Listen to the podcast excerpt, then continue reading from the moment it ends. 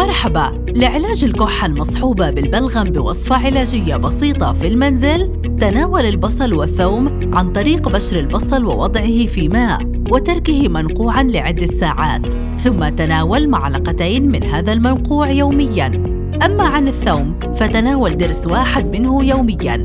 قم بتناول العسل معلقة واحدة يومياً كل أربع ساعات خلال النهار من قبل الشخص البالغ لقدرته العالية على مقاومة البكتيريا وبعض الأمراض. الأناناس أيضاً من أهم أنواع الفواكه الفعالة في طرد البلغم المتحشر في المجاري التنفسية. وللاستفادة منه تناوله كعصير يومياً لتخفيف أعراض أمراض المجاري التنفسية وتخفيف البلغم بشكل ملحوظ.